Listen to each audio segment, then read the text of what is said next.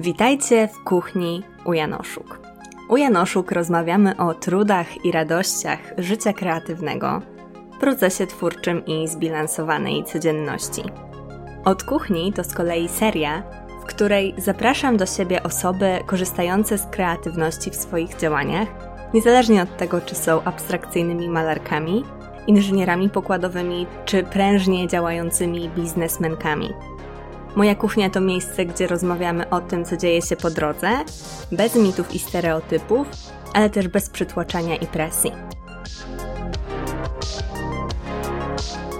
Ja nazywam się Ula. Jestem pisarką w procesie tworzenia powieści, kulturoznawczynią w drodze po doktorat, ale przede wszystkim osobą próbującą na co dzień spełniać swój kreatywny potencjał. W dzisiejszym odcinku z serii Od Kuchni goszczę Aleksandrę Rałowską, znaną także jako żona Johna. Witaj Olu, bardzo się cieszę, że ze mną jesteś. Cześć. Chciałabym zacząć oczywiście, tak jak zawsze w tych rozmowach od kuchni, od y, pytań, które zadaję wszystkim gościniom, które do mnie przychodzą, które mnie odwiedzają, a później przejdziemy do tematu tematu rozmowy zaproponowanego przez Ciebie, czyli tematu trudności związanych z przekształcaniem pasji w biznes. Ale zaczynając od tej części stałej, od pierwszego pytania, powiedz nam Ola, kim jesteś?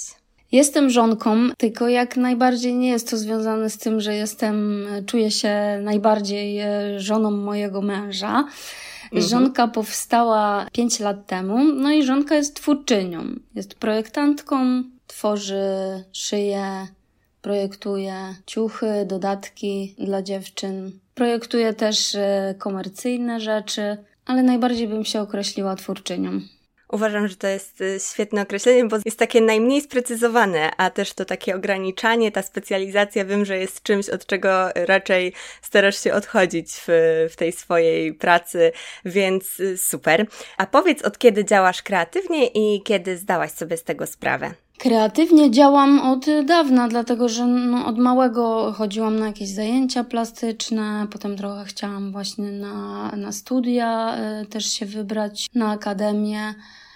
Ale tak y, jakby dłużej się nad tym zastanowić, tak jak nad tym myślałam, to tak y, bardzo świadomie wydaje mi się, że to właśnie będzie te pięć lat temu, kiedy założyłam żonkę co nazwa w ogóle jest totalnie, nie ma się nijak do mojej transformacji, która przeszła 5 lat temu. Mm-hmm. Bo 5 lat temu to był ten moment, kiedy ja właśnie tak na około trzydziestki stwierdziłam o rany, kim ja teraz chcę być. Że było mi bardzo źle, bo już byłam w swoim zawodzie projektanta długo. Było mi źle, pracowałam w dużych y, firmach różnych i to był ten moment transformacji, kiedy porzuciłam, bo też pracując dla innych marek, zawsze miałam coś swojego. Ale zawsze to też było trochę tak, że miałam wspólniczki. Albo kogoś, kto gdzieś tam jakoś uczestniczył razem ze mną w tym procesie. Mhm. A właśnie pięć lat temu świadomie podjęłam decyzję, że koniec, że stawiam na siebie, że to jest dla mnie czas i że jak nie teraz, to nie wiem kiedy. No i powiem Ci, że to był taki trudny moment. No, zostałam zniszczona przez y, system. No, raz, że właśnie ten projektowy. Potem jeszcze takimi ostatkami siły stwierdziłam, że może będę stylistką, porzucając właśnie na dwa lata projektowanie. No i tam to już się zadziałał dla mnie dramat mój, największy, ale też właśnie moment, dzięki któremu, no gdyby to, gdyby to się nie wydarzyło, to ja bym tak chyba nie upadła. Ze, po prostu myślałam, że ja się do niczego nie nadaję, że wszystko, co robię, to jest masakra, że po prostu, no, koniec ze mną, bo jestem już taka stara i tak nic nie umiem, że, że dramat. No i słuchaj, i wtedy właśnie to był ten moment, że ja poszłam sobie na terapię, mhm. uwierzyłam w swoje siły, stwierdziłam na terapii, że ja muszę żyć e, robiąc rzeczy manualnie, że ja muszę robić, że muszę wytwarzać, mm -hmm. że to jest mhm. moja rzecz, a z kolei nie mogę pozwolić na to, żeby ktoś mi mówił, ktoś mi kazał 8 godzin na krześle wysiedzieć. Mm -hmm. coś projektować, y, kiedy nie mam na to ochoty. No i tak się narodziła żonka, dlatego y, tak myślę tak, że to jest, to jest ten moment, który tak pamiętam, że to kreatywnie zaczęłam naprawdę. Postawiłam na siebie i tylko na siebie i, i działam. Super. Wiadomo, że takie okresy są bardzo trudne i takie okresy są, no wiadomo, kiedy jesteśmy w najgorszym dole, to kurczę, no wydaje nam się, że już tego światła nigdy nie zobaczymy, nie? Miałam też taki dosyć trudny moment, kiedy poszłam na studia ścisłe zamiast na studia humanistyczne. Teraz jestem na doktoracie z kulturoznawstwa, a poszłam na początku na międzydziedzinowe studia ścisłe i to był najgorszy rok mojego życia, bo też czułam, że w ogóle się w tym miejscu nie odnajduję. E, no ale to był rok, od którego się odbiłam i tylko, tylko szłam w górę, więc też znam ten moment takich trudności, z których później rodzi się coś, jakaś taka klarowność i świadomość tego, co chce się robić. I to jest super też, y, fantastycznie, że mówisz też o tym, że pomogła Ci w tym terapia, bo myślę, że to jest też coś, co jeżeli można sobie na to pozwolić, to, to super jest też w takich trudnych chwilach popracować właśnie nad sobą i to jest świetne, że wtedy zdajesz sobie sprawę też z tego manualnego aspektu, że to jest też coś takiego, co musi być w Twoim życiu i że chcesz to też realizować po swojemu, także myślę, że to jest no trudna piękna historia, ale myślę, że wiele osób też e, dzieli takie doświadczenie trudności i, i, i te, tego, że coś się później fajnego, kreatywnego z tego rodzi. A powiedz, dlaczego zdecydowałaś się korzystać z kreatywności w swoich działaniach? Trochę w sumie o tym powiedziałaś, może chcesz coś dodać? Raczej właśnie nie wiem, czy zdecydowałam. To jakoś właśnie tak głęboko ze mnie wypływało. Czułam, że, że wiesz, tak jakby zagłębiając się w ogóle wstecz, no to faktycznie wiesz, czemu dopiero tak późno poszłam, bo ja skończyłam studium e, projektowania, ale mhm. od małego miałam takie pociągi, żeby tworzyć, żeby, żeby kreować. Ja mam właśnie taki umysł, że wiesz, ja lubię składać jakieś takie różne pudełeczka, a w środku się coś otwiera, a coś. Mhm. Mam taką głowę łatwą do takich pomysłów. Nie wiem, no jakby cieszę się, że, że, że postawiłam na to, to, to się musiało po prostu wydarzyć i się mm -hmm. wydarzyło. No jasne. I to też jest ciekawe, że od początku były w tobie jakieś takie dążenia do tego, żeby to realizować, ale jednak przez, tak, tak wnioskuję, że też przez to w jakiś sposób otoczenie często mówi nam o tych studiach humanistycznych czy artystycznych, tak, tak. to nie decydujemy się często iść tą drogą, myślę, że artystyczne nawet jeszcze bardziej niż humanistyczne, humanistyczne, tak. bo nie decydujemy się iść tą drogą, którą byśmy chciały, z tego względu, że cały czas bombardują nas te zewnętrzne przekonania o tym, że nie będzie po tym pracy, że to jest bardzo trudne życie. A tak naprawdę myślę, że w przypadku takiej potrzeby wynikającej z głębi, to jest tak, że jeżeli nie pójdziesz tą drogą, jeżeli w jakiś sposób nie będziesz się realizowała w tym, co daje ci największą radość, to po prostu nie będziesz w stanie osiągnąć tego szczęścia i będziesz cały czas właśnie gdzieś gonić, czegoś szukać, a cały czas nie będzie to takie spełnienie i nie będzie to to, czego naprawdę potrzebujesz. Ja też właśnie miałam takie doświadczenie, tylko że u mnie to właśnie z humanistycznych na ścisłe, tak jak mówiłam i, i rzeczywiście też miałam takie poczucie, że że wszystko wcześniej wskazywało na to, że wiesz, że powinnam była pójść w tę stronę humanistyczną, zawsze miałam dużo większe uzdolnienia w tym kierunku, przychodziło mi to znacznie łatwiej, ale nikt nigdy nie powiedział mi, że to jest okej. Okay. Mimo tego, że nikt mnie nie zmuszał, żeby iść na studia ścisłe, to ja czułam właśnie taką presję związaną z tymi przekonaniami i i kurczę, no to jest, to jest trudne, ale ten moment też, kiedy zdecydujesz się, kiedy powiesz sobie, dobra, wreszcie w to idę, to też jest bardzo miły moment, więc czasem ta droga jest trudna, ale jest warta. Ja Ci jeszcze tylko powiem, że wiele czynników na to wpływa, ale właśnie moja pani psycholog też mi tak powiedziała, że generalnie społeczeństwo ceni sobie specjalistów bardziej niż takie osoby, które mają takie miękkie umiejętności i powiem Ci, że od tego momentu, no a to było już jakiś czas temu, Staram się, ale też naprawdę bardzo dobrze mi idzie doceniać w sobie miękkie umiejętności, które mam, dzięki którym uważam, że jestem bardzo dobrym projektantem. Właśnie i w swojej marce e, osobistej, i, i jak robię projekty komercyjne, bo są to bardzo takie delikatne, ale z kolei takie umiejętności, których trudno jest się nauczyć. A które wiem, że mamy, więc jakby teraz traktuję je jak taki skarb, wiesz, tak mm -hmm. sobie e, otaczam, żeby nikt mi tutaj nie próbował wmówić, że jest inaczej. Mnie też nikt nigdy wcześniej nie nauczył doceniać takich umiejętności miękkich i dopiero kiedy sama zaczęłam, podjęłam jakąś taką właśnie autorefleksję, pracę nad sobą, to zdałam sobie sprawę, że jest wiele rzeczy, w których ja jestem dobra i które wydawały mi się oczywiste, a nie są oczywiste dla wszystkich i takie docenienie tych rzeczy, które nie są oparte, tak jak mówisz, na specjalizacji, na bardzo takim ograniczeniu siebie do na przykład jednej dziedziny, są super, bo to też jest tak, że tak jak mówisz i tak jak mówi twoja pani psycholog, to jest tak, że to społeczeństwo właśnie wpycha nas w te dążenia do specjalizacji i ta różnorodność jest niedoceniana, a ta różnorodność w przypadku osób, które mają taką łatwość w kreowaniu, jest, wydaje mi się, bardzo częsta i super jest też to w sobie docenić, więc jeżeli ktoś z osób nas słuchających ma tak, że ta różnorodność jest, może przekleństwem się wydaje, to naprawdę warto też docenić te różnorodne umiejętności, tak myślę. A przechodząc do kolejnego pytania, gdzie jesteś na swojej kreatywnej drodze, a gdzie chciałabyś być? Jestem w takim miejscu wspaniałym, że wiem, e, że wszystko będzie super. Mm-hmm.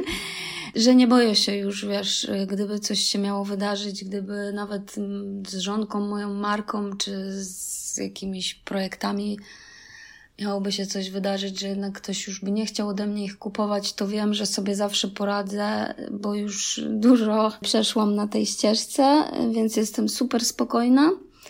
I wiesz, i tak właśnie bardzo sobie ufam. Myślę, że totalnie mogę wyluzować, bo wiem, że nie wiem, teraz niedługo będę mamą i jak wymyślę, że założę sobie, tak jak ty, jakiś podcast i będę wam czytać bajki dla dzieci, to myślę, że sobie też dam radę i Na nie pewno. stresuję się, nie narzucam sobie jakiegoś takiego rygoru. Pozwalam sobie powolutku płynąć ze swoimi pomysłami tak super się słucha tego, jak o tym opowiadasz, bo myślę, że to jest takie miejsce, w którym e, każda kreatywna osoba chce się znaleźć trochę i wspaniałe jest to, że masz teraz taką pewność i że masz taki spokój i takie zawierzenie sobie, to jest też coś, czego życzę wszystkim kreatywnym. No i oczywiście gratulacje y, z powodu y, zostania mamą w przyszłości. E, bardzo to jest też piękna historia. Jeżeli nie znacie e, tej historii, to podrzucę wam wpis Oli na Instagram Instagramie, to będziecie e, mogły i mogli sobie e, przeczytać, co to jest za niesamowita historia. E, no i to jest też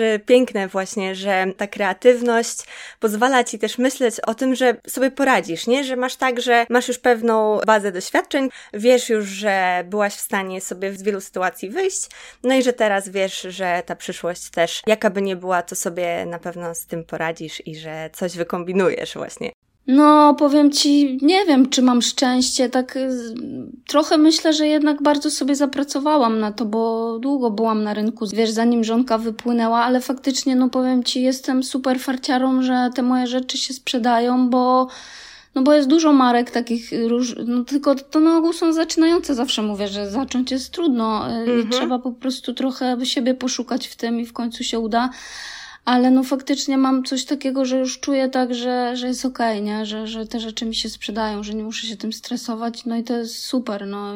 Też e, uważam, że to jest fantastyczne.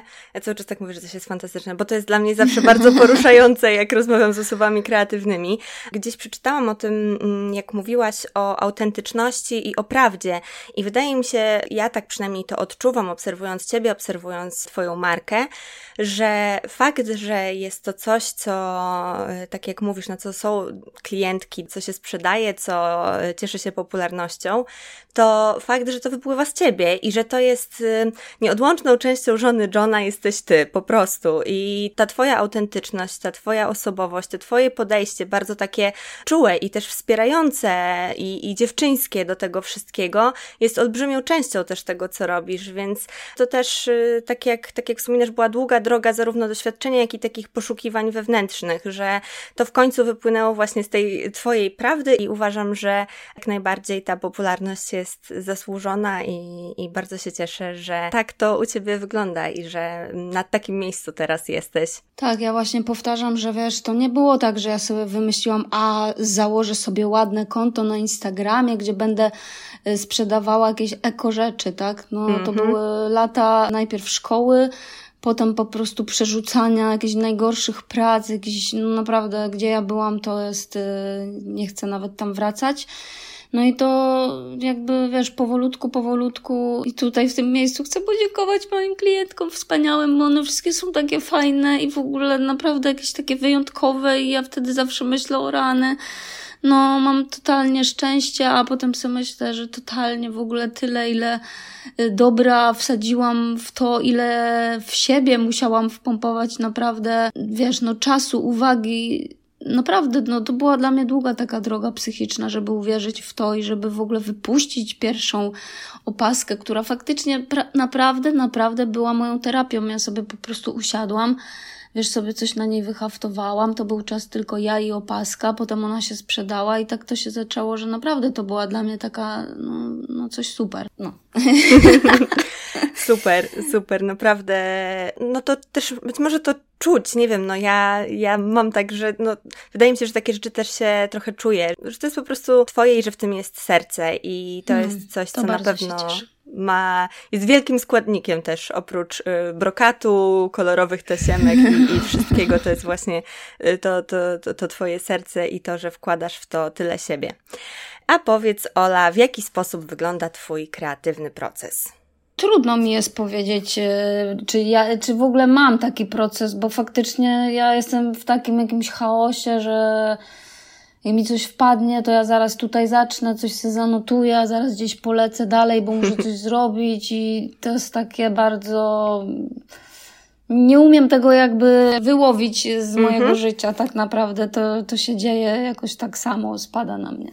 Jasne. Twoje życie jest twoim procesem mm, trochę, nie? Tak, coś takiego chyba najbardziej. Ale to też myślę, że dla wielu osób może dodawać otuchy, bo y, to też pokazuje, że kreatywny proces to wcale nie jest często taki proces od A do Z, tylko to po prostu jest taka szalona zbieranina i że nie musi być przeprowadzane w jakiś taki zorganizowany sposób. Jeżeli jest przeprowadzane właśnie tak, że tutaj dosiądziesz do tego, tam do tamtego, to też jest jak najbardziej okej. Okay. Czy wiadomo, że jak muszę zrobić komercyjnie coś i mam jakiś termin, no to, no to wtedy się przygotowuję, tak? Mam mhm. stworzyć, nie wiem, jakąś wygodną piżamkę no to sobie przeglądam tych piżamek i na, i na w tych wszystkich Pinterestach, i na Instagramach, i nawet na sklepach internetowych. No i wtedy próbuję coś tam takiego od siebie zrobić i, i jakoś to też na pewno tak działam. No ale w żonce to sobie popuszczam jak chcę, robię kiedy chcę i tam to już jest w ogóle go with the flow. Ale to też jest ciekawe, że masz takie dwa procesy, nie? Właśnie, że ten e, komercyjny jest taki bardziej zorganizowany, bo musi być, ale jeżeli nie musisz, to robisz po prostu po swojemu. No tak, tak. Jednak wiesz, też komercyjne projekty to są takie projekty, co ja muszę być pewna, że to jest e, że to się sprzeda, że to się spodoba większej ilości osób, że to będzie na każdą sylwetkę, mm-hmm. że to będzie w produkcji, czyli uszyte w dobrej cenie. Jasne. Wiesz, tam, tam jednak y, mam takie ograniczniki. No tak, no tak, ale też się w tym jakoś tam realizujesz i dajesz sobie w tym radę, więc. Y, tak, uważam, że jestem bardzo w tym dobra. No, no i super. yy, naprawdę. No ale tu już z kolei właśnie doświadczenie, ale też. Te miękkie umiejętności, jakie mam, że widzę po prostu proporcje, widzę, no widzę dużo rzeczy. Tak, że masz też, e, masz, masz doświadczenie, ale masz też jakąś łatwość taką w, tak. e, w, w, ogarnianiu tego, co też sprawia właśnie, że e, jesteś sobą, nie? że jesteś tym konkretnym, tak. tym konkretnym człowiekiem, tą konkretną osobą właśnie, która skleja to całe doświadczenie i umiejętności i że z tego mogą wychodzić zarówno szalone projekty dla żonki, ale też komercyjne projekty i że używając używając tej samej kreatywności, będąc tą samą osobą, możemy ją w tak różnych formułach też e, realizować. No powiem Ci, że właśnie ostatnio moja przyjaciółka mi powiedziała, która też w zawodzie moim pracuje, że super sobie ceni we mnie to, mm, że potrafię właśnie na te komercyjne projekty tak, e, wiesz, by, być w nich sobą jakby, że też nigdy no, znaczy popuszczam kiedy trzeba, no jak tam jakieś zmiany mają wejść, to wiadomo, że muszę czasem, ale że widać, że to jest coś mojego. A wiesz, no powiedzmy sobie szczerze, no mogłabym czasem, wiesz, przynieść coś, co sobie myślę, że no dobra, ale nie, nie, ja jednak muszę, musi być wszystko porządkowe. Zawsze ten twój pierwiastek musi tak. być w tym, niezależnie co tworzysz. A jakie środki, idee, narzędzia pomagają Ci realizować Twoje kreatywne cele? Mówiłaś trochę o Pinterestie, ale mm, może są jakieś takie właśnie narzędzia czy, czy myśli, podejścia, które pozwalają Ci lepiej kreatywnie działać? E, wiesz co? Nie wiem, no bo jak mówimy o narzędziach, to na przykład ja umiem y, i robię w komputerze, ale to jest już dla mnie jakaś ostateczność. Mhm bo dużo łatwiej mi jest szybciutko sobie naszkicować coś y, ołówkiem czy tam długopisem. To, to potem wiadomo, że muszę to przenieść do komputera i wszystko proporcjonalnie rozrysować, ale tego w ogóle nie lubię. Mhm. No i co? No, jakimś moim narzędziem jest chyba też maszyna do szycia, tak? Że ja Na sobie pewno. coś tutaj kombinuję. kombinuję, nitka i igła, uwielbiam haftować. No nie wiem, chyba tak. Właśnie tak też pomyślałam o tym, że w związku z tym, że u ciebie to wszystko jest tak manualne, to na pewno te narzędzia manualne, takie właśnie jak.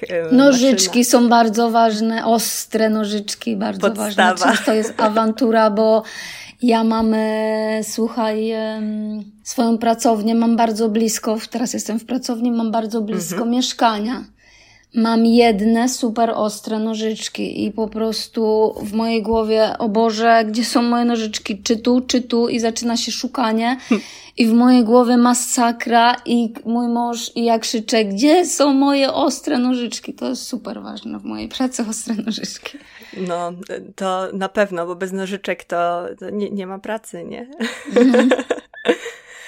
Przechodząc do kolejnego pytania, e, to jest pytanie o to, co jest dla Ciebie najgorszym, a co najlepszym aspektem kreatywności.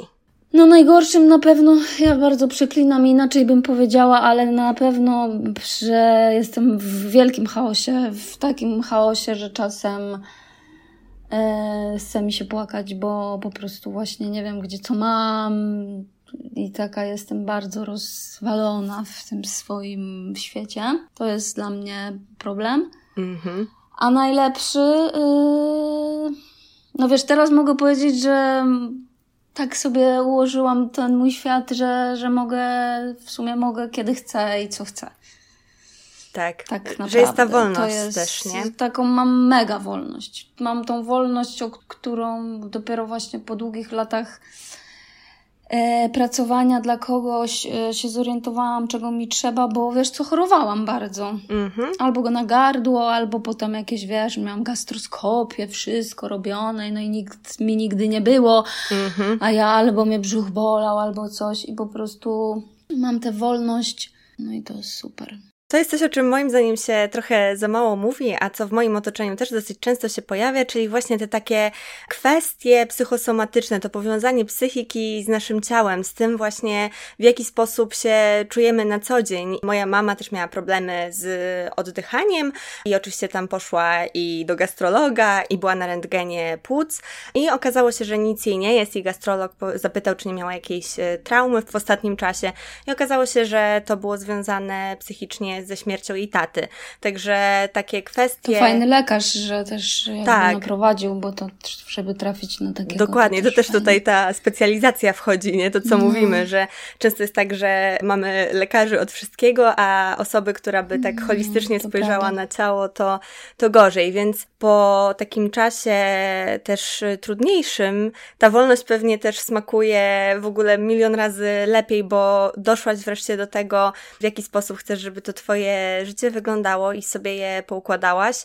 I to na pewno wymagało dużo pracy i na pewno wymagało od Ciebie bardzo dużo zaangażowania i dużo musiałaś przejść, ale to, że teraz wypracowałaś właśnie sobie taki tryb życia, który pozwala Ci na tę wolność, to jest coś, co na pewno jest nie do przecenienia. I ten wolnościowy aspekt kreatywności to jest coś, co też uwielbiam i doceniam, ale coś, do czego nie jest prosto dojść. I coś, e, co naprawdę wymaga i dużo pracy nad sobą i pracy nad swoim życiem i układania sobie wszystkiego. No i to też nie jest dla każdego, nie? Możemy sobie tak rozmawiać i, i super, i dla mnie super, wiesz, ale no, Jasne. No, są osoby, które gdzieś tam, nawet jak są kreatywne, to potrzebują tego takie, takiego jakiegoś dziwnego bezpieczeństwa, no bo Już dla mnie y, nazywanie właśnie umowy o pracę bezpieczeństwem to jest jakiś absurd. Jasne.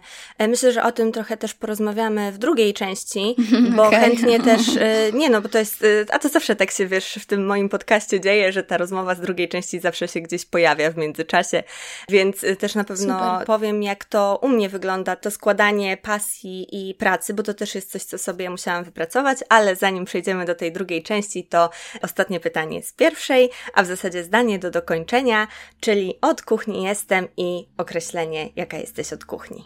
W tej swojej kreatywności. No, na pewno chaotyczna, ale właśnie taka, no myślę, że jakby już niejednokrotnie uświadomiłam sobie, przekonałam się, że takie małe rzeczy, czyli takie moje wewnętrzne jakieś takie odczucia, jak taka intuicja, mhm. nigdy mnie nie zawodzi. Naprawdę, no mam na to mnóstwo małych i większych przykładów. Oczywiście czasem Ta. wciąż ją olewam niepotrzebnie, ale bardzo y, jestem taka, że właśnie du dużo mi ta intuicja daje tym całym, no i chaotyczna też bym się tak nazwała. E, ja tak też z zewnątrz bym powiedziała, trochę mhm. patrząc na to, co robisz, że też jesteś w tym wszystkim bardzo radosna. E, I że ta, A, no tak, tak. I że ta radość jest czymś, co przychodzi mi e, jako pierwsze do głowy, kiedy myślę A. żona Johna. A to bardzo mi miło, bo w sumie faktycznie nie wiem, czemu o tym nie pomyślałam, bo lubię też tak myśleć o sobie, że, że właśnie kiedyś powiedziałam mojej Dominice, która mi tutaj czasem pomaga, że ja nie czuję w ogóle obciachu, że jakby, wiesz, to mi też pozwala być taką sobą na maksa, bo ja w ogóle, że ktoś by miał mnie ocenić, czy że też właśnie na terapii to wyszło, że pani powiedziała, że to jest w ogóle coś, nad czym najczęściej z ludźmi pracuję. Mm-hmm że mają problem z, z, takim odbiorem ich osoby przez innych ludzi, a ja mam tak, że ja w ogóle nie czuję mhm. obciachu i przez to pozwalam sobie być sobą i przez to pozwalam sobie być czasem taką właśnie wesołą e, osobą, kiedy na przykład właśnie w tych wszystkich markach fashion, co ja też tak trochę bym chciała być, a trochę w sumie jestem gdzieś na uboczu. Te wszystkie marki, one są takie w ogóle jakieś takie poważne, tak. tam jest w ogóle, wiesz, wszystko e, w ogóle jest super ekstra, nie wiadomo jakie te ceny i wiesz, podane, to jest wszystko na takiej pięknej tacy. Tak. A u mnie to jest po prostu bam, bam, bam, wale jakieś e, super rzeczy, nie zdążę zrobić zdjęcia, one są już sprzedane, w jakimś chaosie żyję, ale faktycznie, no, ostatnio powiem Ci, jeszcze pogadam sobie chwilę. Dokładnie. Bo ostatnio, nawet tak wiesz, że prawie mi się płakać chciało, tak mówię do mojego męża, Boże, ta kolekcja taka świetna, ja może powinnam była temu poświęcić czas. A on mówi tak, no ale jaki czas ty chciałabyś poświęcić? Ja mówię, no nie wiem, wzięłabym właśnie sesję, jakieś modelki, tak rozbudowałabym, nabudowałabym do tego całą jakąś historię. A on mówi, no ale Olka, no już tyle to robisz, no to chyba rób to tak, jak chcesz to robić i daruj sobie. I faktycznie to było coś, co narzuciłam, bo w danym momencie widziałam, wiesz, jakiejś innej projektantki kolekcję i sobie pomyślałam, ojej, a ona zrobiła to tak, a ja mm -hmm. robię to mhm. inaczej i wiesz, mi się zaplątało Tak, się głowę, odezwało coś tam. Tak, jakiś bez sensu w ogóle, wiesz nie moje myśli mi się wdarły do głowy i no. Ja też tak mam, że wiesz, przez większość czasu wydaje mi się, że to, co robię, to jest to, czyli że to jest y, prawdziwe, autentyczne, że to jest tak, jak ja to robię, to jest to, jak ja chcę to robić, a później zerknę, że ktoś coś tam w tej y, sferze podobnej robi trochę inaczej i od razu właśnie zapala mi się to, że może więcej, lepiej, tak. mocniej, a tak naprawdę to też y, jakby nie patrzeć w tej twojej pracy chodzi o to, żeby te rzeczy znalazły swoje klientki, żeby je sprzedać, no i e, osiągnęłaś ten cel bez robienia jakichś e, niesamowicie większych e, kampanii, a poza tym to, co zrobiłaś, to też było super. I sam produkt też, same twoje produkty są świetne, więc myślę, że też ta ostatnia kolekcja, może tak powiedzmy dla słuchających nas osób, to jest kolekcja Baby Shower Franki, czyli córeczki Oli, jest wykonana z takich, z pościeli w dziecięce wzory i mega szybko szybko się też oczywiście sprzedała, jak wszystkie ubrania Oli, ale też podlinkujemy Wam te kolekcje, bo myślę, że to też dobrze pokazuje właśnie tę radość, Super. o której e, teraz rozmawiałyśmy. Przechodząc do drugiej części rozmowy, na temat, tak jak e, zapowiadałam, e, wybrałaś stosunek pasji i pracy, a w zasadzie przekształcania swojej pasji w pracę. I myślę, że to jest temat, który albo wielu osób dotyczy, albo wiele osób się nad tym zastanawia, bo to jest też takie sformułowanie, które gdzieś tam cały czas krąży w tej takiej kreatywnej bańce, że rób to, co kochasz, a nie przepracujesz ani jednego dnia i takie właśnie też przekonania, które mm, być może uda nam się trochę rozbroić. I powiedz, kiedy ty zdecydowałaś się przekształcić ten terapeutyczny proces tworzenia opasek i akcesoriów i w ogóle tworzenia rzeczy swoich w biznes? Jak to u ciebie wyglądało? U mnie to było takie bardzo naturalne, bo właśnie ja te pierwsze opaski to zrobiłam, bo stwierdziłam, że ja będę robiła mm, dla dziewczyn takie warsztaty kreatywne. Mhm. I na tych warsztatach będę robiła z nimi opaski, które wtedy właśnie wchodziły do mody, te takie wielkie gąbczaste, obszywane opaski.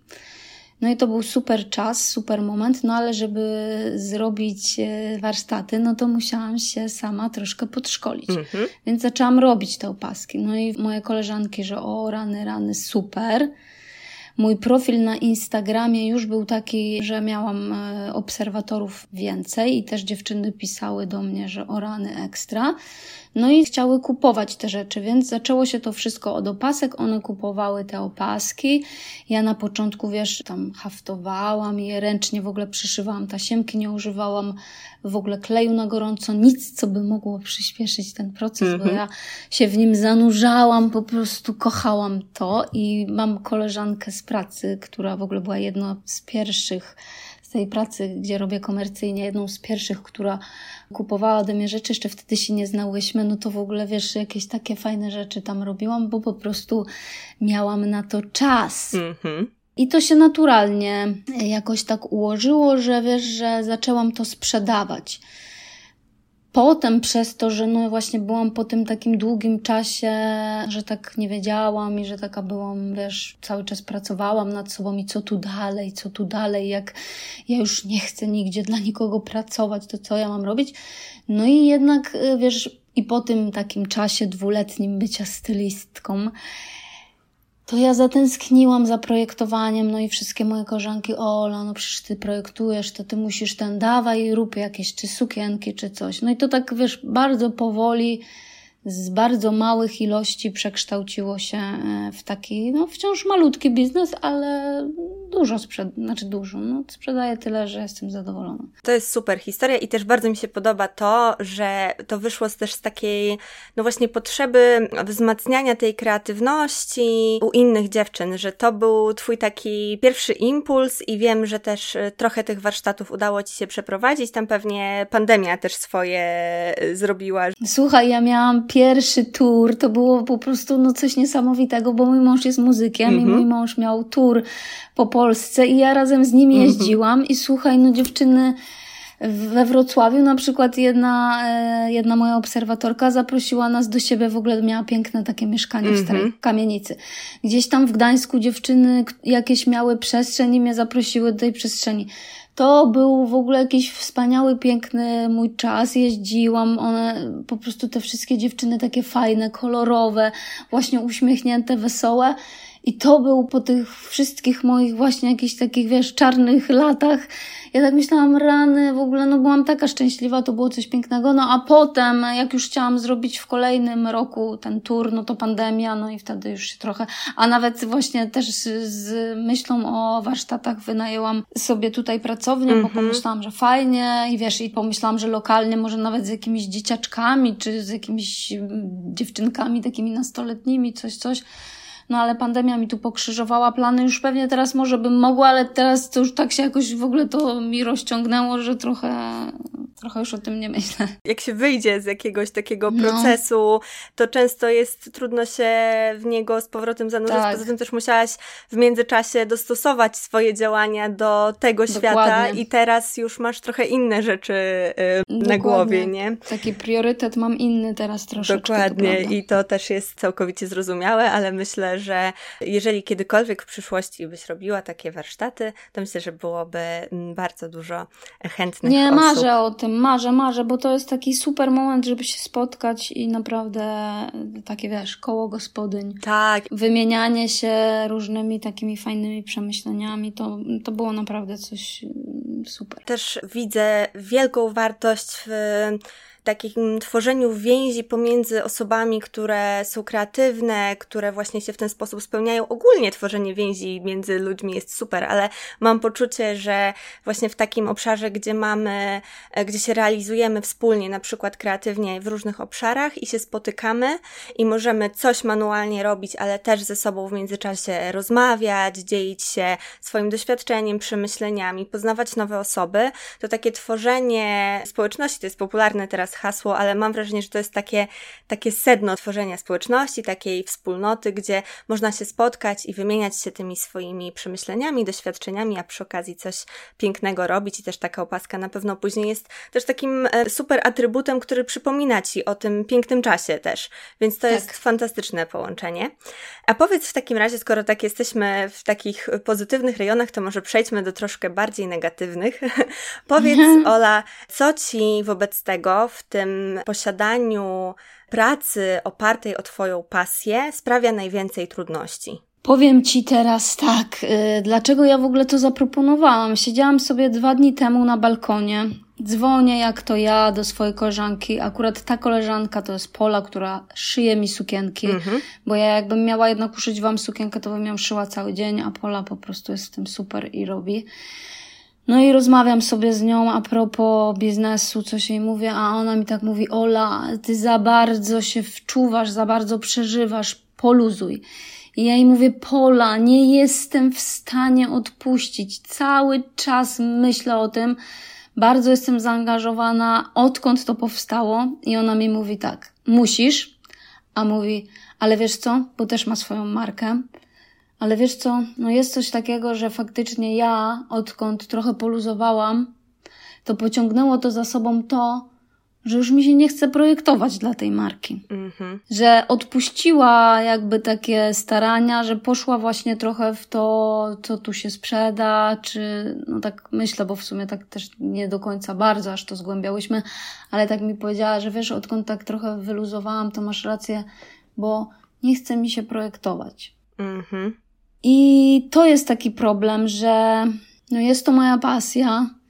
No poza tym, że faktycznie, wiesz, no mnóstwo rzeczy muszę robić. No jak ktoś ma swój biznes, nie wiem, zamówić kartony, już nie mówię, że właśnie z księgową jej wszystkie papiery zebrać, przypilnować, żeby, wiesz, żeby brać te faktury, jak coś kupuję. Mm-hmm. To mnie stresuje, żeby jakby prowadzić ten biznes w jakiś taki sposób rozsądny, żeby mi się to opłacało, co jest w ogóle totalnie, no nie jest nigdy w mojej głowie. Czyli są takie też aspekty, kurczę, o których się nie mówi, nie? Kiedy próbujemy zacząć jakoś realizować swoją kreatywność bardziej zawodowo, to często myślimy o tych wzniosłych, pięknych rzeczach, właśnie jak wolność, jak tworzenie rzeczy po swojemu, ale jednak to jest też coś, co mnie przeraża, kiedy myślę o zakładaniu firmy w przyszłości. To jest ta właśnie kwestia tego wszystkiego, co formalnie dzieje się wokół i tego, jak tego jest dużo i to też myślę bardzo dobrze pokazuje to, że to nie jest tak, że kiedy mm, zaczniemy robić coś z pasji, to że nie przepracujemy ani jednego dnia, bo jednak to wszystko ma też aspekty, które trzeba wykonać, a które, do których nie będziemy pałać wielką miłością, jak właśnie faktury chociażby, nie? Znaczy, a propos przepracowanych y, godzin, to ci powiem, że no w rządce to są momenty, że ja po prostu, wiadomo, że ja od rana do nocy i to, to jest jakaś tam ciągła w ogóle praca. Bardzo dużo poświęcam czasu rządce. No ale powiedzmy, że gdzieś to jest y, też dla mnie przyjemne, ale są te, są te takie trudne aspekty właśnie, wiesz, że, że już przychodzi ten moment y, taki, że naprawdę no, dużo sprzedaję, nie powinnam się jakoś przejmować albo tak mm, bardzo, wiesz, skupiać, że może a powinnam zrobić tak, a zrobiłam inaczej, a że może one tego jednego modelu nie chcą kupić, bo coś i się tak wkręcam. To jakby mnie tak, wiesz, zjada głowę moją mm -hmm. niepotrzebnie. A inną kwestią też jest to, że no właśnie jak chcesz prowadzić biznes i chcesz, żeby to było jakoś tam, nie wiem, chcesz to sprzedawać w internecie, no to musisz od jakiegoś tam dochodu mieć już założoną działalność. Więc no musisz y, po prostu działać jak, y, jak y, obywatel polski, mm-hmm. normalny i, i czy jesteś kreatywny, czy rozwalony jak ja, żonka, no to musisz to wszystko jakoś spiąć. I na przykład mnie to stresuje, ale gdzieś tam próbuję to, wiesz, tam na tył głowy sobie zrzucam gdzieś te myśli i, i ten, no ale czasem, czasem mam lęki z tym związane, ale generalnie spoko. A dlaczego w ogóle ja się też przestraszyłam, jak gdzieś właśnie wyczytałam i to mnie tak też zaskoczyło. W sensie zawsze wiedziałam, że wiesz, że jak uczynisz z jakiejś takiej swojej pasji, jakiś taki dochodowy biznes, no to wiadomo, że ona się zamienia też bardziej jakby trochę w twoją pracę niż w twoją mhm. pasję, ale gdzieś właśnie na Instagramie, na którymś z jakichś takich kont to przeczytałam i słuchaj, przestraszyłam się, bo mnóstwo osób pisało, tak, tak, dlatego ja właśnie, yy, nie wiem, tam nie robię tego i tego, tylko chodzę sobie do pracy. Mhm. Ja tak właśnie też, wiesz, tym głosem tych innych ludzi zaczęłam tak, Jezu, a ja już jestem tak głęboko w tym, ja już się nie mogę wycofać, ja już tu jestem i to faktycznie, jak to, to faktycznie mnie zniszczy zaraz, to ja już nie wiem co. I wiesz, tak, też taka chwilowa paranoja o rany rany, nie? Że... Ta. Taka panika. A z kolei jakieś takie e, metody pocieszania mnie mojego męża, to jest, wiesz, no zatrudnij sobie kogoś. A takie, wiesz, zatrudnienie sobie kogoś, to też nie jest, no jakby ja jestem z głową tego wszystkiego. Nie umiem też tak y, przekazać. Mam Dominikę, która mi super pomaga i mi już jest ciężko e, z jedną osobą, żeby to było tak wszystko ok, no bo wiadomo, że zupełnie inaczej myślimy i czasem też, wiesz, się dogadamy, nie dogadamy. No ale co, mam sobie zatrudnić kogoś? No to nie jest takie bardzo łatwe. No jest dużo takich tematów trudnych. No jeżeli jasne. chcesz faktycznie e, rozwijać biznes i powiem Ci szczerze, że dla mnie, no to ja czuję, że to już jest ten moment, że muszę zrobić taki krok w stronę no nie chcę powiedzieć, że jakieś takie komercyjnej, ale no tak, żeby to na jakąś taką większą skalę, bo ja po prostu mam też taki problem, że wszystko robię z, z jakichś takich materiałów z odzysku, na mhm. przykład te kolekcje, no to, to się nie da jakby opisać i to się może komuś nie wyobrażać. Ale to jaka to jest ciężka praca dla mnie, żeby wyselekcjonować, potem to wszystko właśnie wyprać, zawieść, przypilnować, żeby to było, ta każda rzecz jest tak naprawdę, ta każda sukienka, i to jest też szok, że ja wiesz, ja nie opisuję ich tak w centymetrach mm -hmm. jakoś, że ten, ale ta każda sukienka jest inna, bo każdy materiał, ten ma tu plamkę, a ten ma, jest za wąski, mm -hmm. bo to jest mhm. też tak, że materiały na belkach, teraz już są bardzo szerokie, mają nawet i 1,80 m i 1,60 m, no to mhm. wtedy możesz uszyć suknię z taką wielką falbaną. No ale przypuśćmy, jak ja przynoszę y, często właśnie te wszystkie PRL-owskie, to one są takie wąskie, nawet 90 mają. No to mhm. Pola musi kombinować, jakoś je zszywać, wiesz, to jest dwa razy więcej roboty. Bardzo dużo właśnie takiej pracy nad pojedynczym modelem, a potem wiesz, ja to jeszcze muszę ładnie zrobić zdjęcie, wrzucić do internetu nagle się okazuje, że to się już sprzedało i wiesz, i znowu nic nie mam. No tak. I jakby fajnie, że to się sprzedało i wiesz, można powiedzieć, że moje sukienki są drogie, bo kosztują 390 zł, no ale tak wiesz, ja muszę i, i podatek, i to, i tamto, i, i tak dalej. I się okazuje, że no, wiesz, I no... tak jak mówisz, też ten twój proces to nie jest taki proces od linijki, nie? Że masz jeden rodzaj materiału i ciśniesz z niego konkretną, sporą ilość identycznych sukienek, tylko każdy w zasadzie etap twojej pracy wymaga też twojego zaangażowania i twojej uwagi, że do każdego właśnie materiału musisz podejść w odpowiedni sposób, musisz to wszystko ustalić i to wszystko też wymaga czasu i Myślę, że też między innymi dlatego może być ci ciężko delegować te rzeczy, bo pewnych rzeczy nie jesteś w stanie oddelegować, pewne decyzje musisz podjąć ty, więc yy, ciężko jest pewnie znaleźć też takie obszary, gdzie może ciebie nie być w tej twojej działalności, dlatego że twoja działalność, tak jak już rozmawiałyśmy, to jesteś w dużej mierze po prostu ty, twoje decyzje, twoje kolekcje materiałów, twoje pomysły i że nie jest łatwo od tego zrobić ten krok w tył. Dokładnie. Mam tak, że na przykład, wiesz, yy Lubię e, to, że mam Dominikę, no i ona ma tam jakieś swoje, wiadomo, obowiązki, ale lubię się pytać Dominiki, bo tak trochę chcę, żeby czasem podjęła za mnie mm -hmm. decyzję. Ale wiesz, na przykład to się wydaje głupie, ale takie, nie wiem, robimy sesję i ja nawet czasem nie, tak wiadomo, że oglądam, no bo super, bo chcę zobaczyć. No jasne. I super, jaram się i tak dalej ale od razu jej mówię, Dominika, wybierz te, które mam wrzucić na Instagrama czy na Facebooka, bo wiesz, dla mnie jakaś kolejna mała decyzja, to ja potem, o Jezu, a byłam powinna wrzucić jednak tamto, tak. bo może tamto by bardziej przyciągnęło. No wiesz, jakieś w ogóle rzeczy, co ja naprawdę ekscytuję się tym, żeby znaleźć materiał, bo ja zawsze podkreślam, że ja po prostu jestem pasjonatem materiałów. Mm-hmm.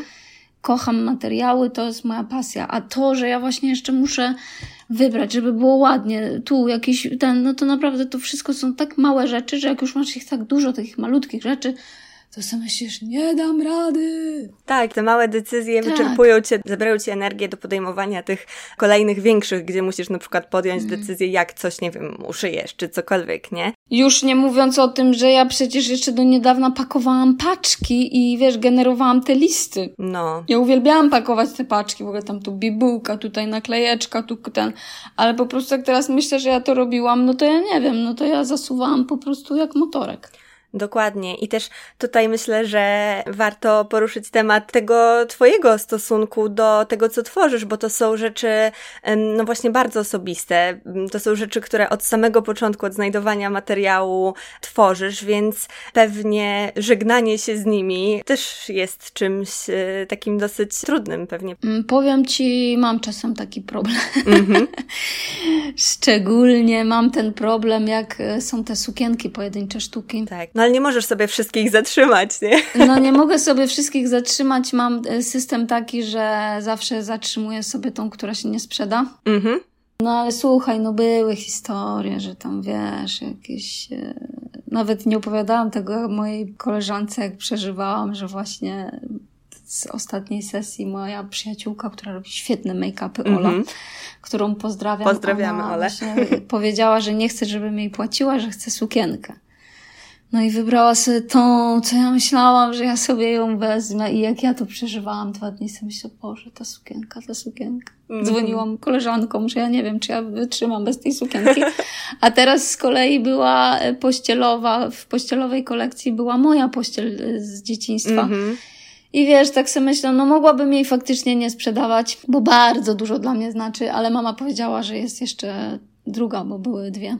Więc sobie pewnie uszyję ale bardzo jakoś tak, no mam, mam, w ogóle mam taki niezdrowy stosunek do rzeczy, jakoś bardzo się przywiązuję i wiesz, w ogóle nie ma we mnie jakiejś takiej manii konsumpcjonizmu, tego, że, bo powiem Ci szczerze, na przykład bardzo mi się podobają rzeczy z Zary. Mhm. Musiałam ostatnio tam wejść, musiałam tam wejść, no oni są świetni, no po prostu różną te wszystkie trendy najlepiej tak. na świecie. Ce, ceny są spoko, więc w ogóle to jest miejsce wspaniałe. No ale niejednokrotnie jak chciałam sobie coś tam kupić, to oddawałam to potem, bo to dla mnie w ogóle nie ma sensu mieć takich rzeczy. To są jakieś rzeczy, wiesz, na jeden, dwa sezony, a potem to w ogóle nie będzie mi do niczego potrzebne. Znam bardzo to też ze swojego doświadczenia, bo już jakiś czas temu bardzo ograniczyłam zakupy z sieciówek, przede wszystkim ze względu na jakość, bo jak e, czułam, że te rzeczy mi się rozpadają w rękach, to po prostu się zniechęciłam i stwierdziłam, że nie ma co, zostaje przy lumpeksach, jakiś tam Allegro I, i tyle, ale też mam tak, że mnie kuszą te rzeczy i czasem się zdecyduję na jakieś pojedyncze sztuki i wtedy jestem całkiem zadowolona, jeżeli to jest, wiesz, taki wychodzony zakup i że no patrzę... tak, bo jeszcze darujmy też sobie, no jakby wiadomo, trzeba myśleć o przyrodzie, o, o ludziach, ale też można sobie czasem jakąś jedną rzecz w zarze kupić. No. Dokładnie, no. dokładnie. Nie strofujmy się tak. Oczywiście, że tak. A jeszcze tak, jako że już to zapowiedziałam w pierwszej części, to może chciałabym do tego trochę wrócić, żeby porozmawiać chwilę o tym też, jak bardzo trudną kwestią, ale też ważną do wypracowania sobie jest to właśnie w jaki sposób chcemy mm, tę swoją pracę z tą swoją pasją, z tą swoją kreatywnością łączyć, bo y, czasami jest tak, że świetnie jest nam właśnie przekształcając tą swoją główną dziedzinę twórczości, kreatywności, jak w Twoim przypadku projektowanie, w coś, co będzie nam przynosić przynosiło zarobek. I wiadomo, że to się później łączy z wieloma trudnymi aspektami, o których też opowiadałaś, ale no to też nie jest jedyna droga. W moim przypadku to było takie, zawsze chciałam pisać, nie? Zawsze chciałam e, pisać, znaczy, zawsze, tam mniej więcej od gimnazjum, miałam fajną polonistkę, powiedziała mi, że super, dostałam dobre oceny, wiesz, i, i tak to się zaczęło i zawsze właśnie myślałam, że to pisanie jest taką największą sferą, w której ja będę się realizować, mm, później zaczęły spływać na mnie te wszystkie głosy dotyczące tego, że z pisania nie da się zarabiać, że pisanie no to naprawdę lepiej sobie znaleźć inne źródło przychodu i tak dalej, i tak. I to mnie też na bardzo długi czas przyblokowało. I dopiero ostatnio zdałam sobie sprawę z tego, bo zaczęłam, mm, ja zarobkowo teraz utrzymuję się z bycia na doktoracie, bo jestem drugim rocznikiem, który dostaje miesięczne stypendium po prostu z racji tego, że studiuję w szkole doktorskiej, więc ja taką stabilność finansową powiedzmy mam, a jednocześnie nie mam tego całego etatu, więc mogę sobie w międzyczasie rozwijać swoje rzeczy i między innymi robię to właśnie w podcaście.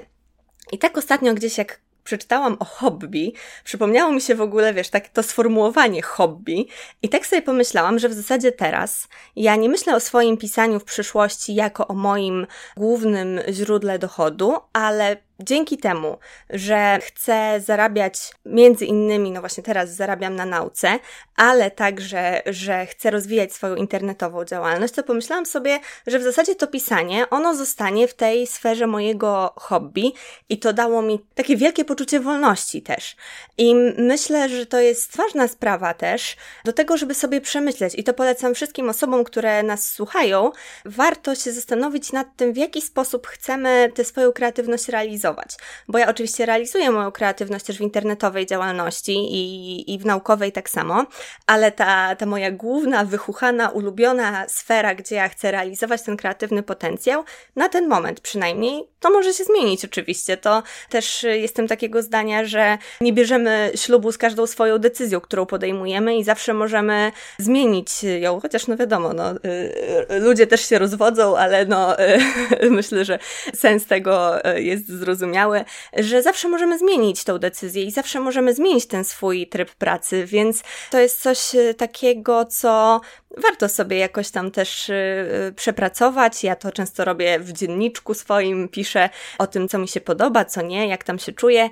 I właśnie dzięki temu też doszłam do tego, że ja nie chcę traktować pisania jako mojego głównego źródła dochodu na pewno. Ale w Twoim przypadku, Ty też w swoim doświadczeniu wypracowałaś to, w jaki sposób chciałabyś realizować tę kreatywność, i wydaje mi się, że nie zamieniłabyś chyba tej swojej drogi na nic innego. Słuchaj, jest taka sytuacja, teraz jak właśnie mówiłaś, to ja sobie tutaj w główce układałam. No taka sytuacja tu miała miejsce na przykład w walentynki. Mhm. Zrobiłam kolekcję walentynkową i powiedziałam Dominice, nie ma opcji, każde zamówienie musi wyjść z walentynką, mhm. a ta walentynka była po prostu, wycinałyśmy ze starego zeszytu w kratkę, ale nie takiego nowego, tylko starego. Mhm. Wycinałyśmy serduszko, potem oklejałyśmy je, słuchaj, kółeczkami wyciętymi z poli e, srebrnej, takiej żywieniowej. Na mhm. każde kółeczko przyklejałyśmy brokacik i pisałyśmy walentynkę taką, jak mi się kojarzy, jak ja byłam w podstawówce, taką wiesz, ręcznie robioną, mhm. oklejoną nalepkami. I tutaj po prostu był zamęt, były te wszędzie te pudła, wszędzie tu, y, tu te akcesoria, żeby te stworzyć, bo dosyć dużo było zamówień. I ja tak mówię do Dominiki, co my robimy? Bawimy się w sklepik. I to jest też tak, że mam taki ciężar, takich, nie wiem, też, też trochę rodzinnych, tam no, u mnie też właśnie z moją mamą taka relacja, że no dobra, no, tak w skrócie, no to wiadomo, że moja mama z troski o mnie bardzo chciała, żebym ja, wiesz, była na umowie i żeby wszystko było super mm -hmm. i żebym sobie pracowała. Generalnie do tej pory mam wrażenie, że jak robię komercyjne rzeczy, to moja mama wtedy jest zadowolona, a jak e, robię tutaj zajebiste jakieś nie wiadomo co, to mam wrażenie, że inny ma poziom ekscytacji, ale mm -hmm. dobra, zostawiam to. W każdym razie, że wiesz, to te głosy takie, no nie wiem, no skądś, nie moje, czyjeś, że, że, że to jest zabawa, to jest faktycznie zabawa. Ja tutaj sobie mogę, widzisz, robię zarobkowo jakąś kolekcję, ale za to kreatywnie poświęcam cały dzień. No nikt biznesowo by czegoś takiego nie zrobił. Poświęcam tak. cały dzień, żeby zrobić moim klientkom e, walentynki, które nie wiem, może sobie powieszą na ścianie, a może sobie wywalą, bo nie wiem tego. Potem mam z kolei historię, że ja sobie wymyśliłam, to też gdzieś modne się zrobiły te modelinowe pierścionki, mhm. Ale wiesz, to nie jest coś, co ja robię, bo ja wiem, że ja sobie z tego zarobię, bo to jest coś, co wiesz, nagle się okazuje, że trzeba mieć rozmiary, że te palce, mhm. że modelina twarda, każdy inaczej. Tutaj dziewczyny mają cienki palec, se mierzą, ale przecież przez kostkę nie przechodzi, więc mi odsyłają te modelinowe pierścionki i ja nagle, wiesz, w ogóle normalny człowiek pewnie by się zastanowił, trzy miesiące przygotował do tego, a ja w ogóle, wiesz, usiadłam, ulepiłam modelinowe pierścionki, wypaliłam je, wrzuciłam na sklepik i w ogóle, wiesz, i cały czas mam jakieś takie pomysły, więc jakby możemy rozmawiać, że to jest trudne, ale ja nie pozwalam sobie, ja tutaj mam to, właśnie mam chyba w sobie to dziecko, mam w sobie ten ogień, i cały czas sobie coś wymyślam. Już nie mówiąc że jeszcze do tych modelinowych pierścionków, ja sobie wymyśliłam ręcznie robione pudełeczka, mm-hmm. klejone ręcznie, e, drukowane i w ogóle, i w ogóle, więc no po prostu cały czas coś robię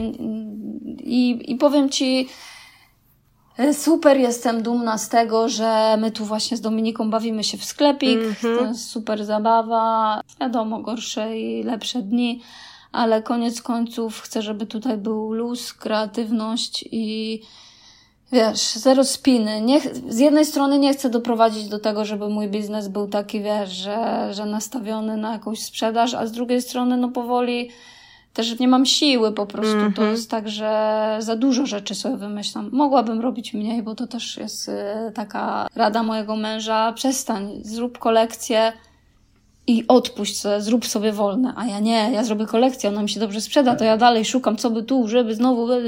Ale to jest takie, wiesz, tak jak mówisz, ciągłe szukanie równowagi, ciągłe szukanie równowagi pomiędzy tymi możliwościami, które sobie dajesz, dzięki temu, że na przykład właśnie powiększysz firmę, no ale to też jest takie, to też całkowicie rozumiem, że jest to ciągłe dążenie w tobie do tego, żeby, no, no że ta kreatywność jej nie zamkniesz, nie? I że przychodzą te pomysły i super jest jest to, że ty odpowiadasz tym pomysłom tak. I że jeżeli wpadnie ci do głowy coś szalonego i nowego, to to robisz i tego próbujesz i się w ten sposób realizujesz. No i właśnie robisz ciągle tę zabawę w sklepik, a jak widać, to jest coś, co podoba się nie tylko tobie, czego tworzenie podoba się nie tylko tobie, ale właśnie ten y, vibe zabawy, radości, wesołości też udziela się twoim klientkom i myślę, że to jest też y, świetne, świetna puenta tej naszej rozmowy, że trudności bywają oczywiście, ale w każdej sytuacji, jak, jakiejkolwiek drogi nie wybierzemy, to możemy szukać jeszcze tych miejsc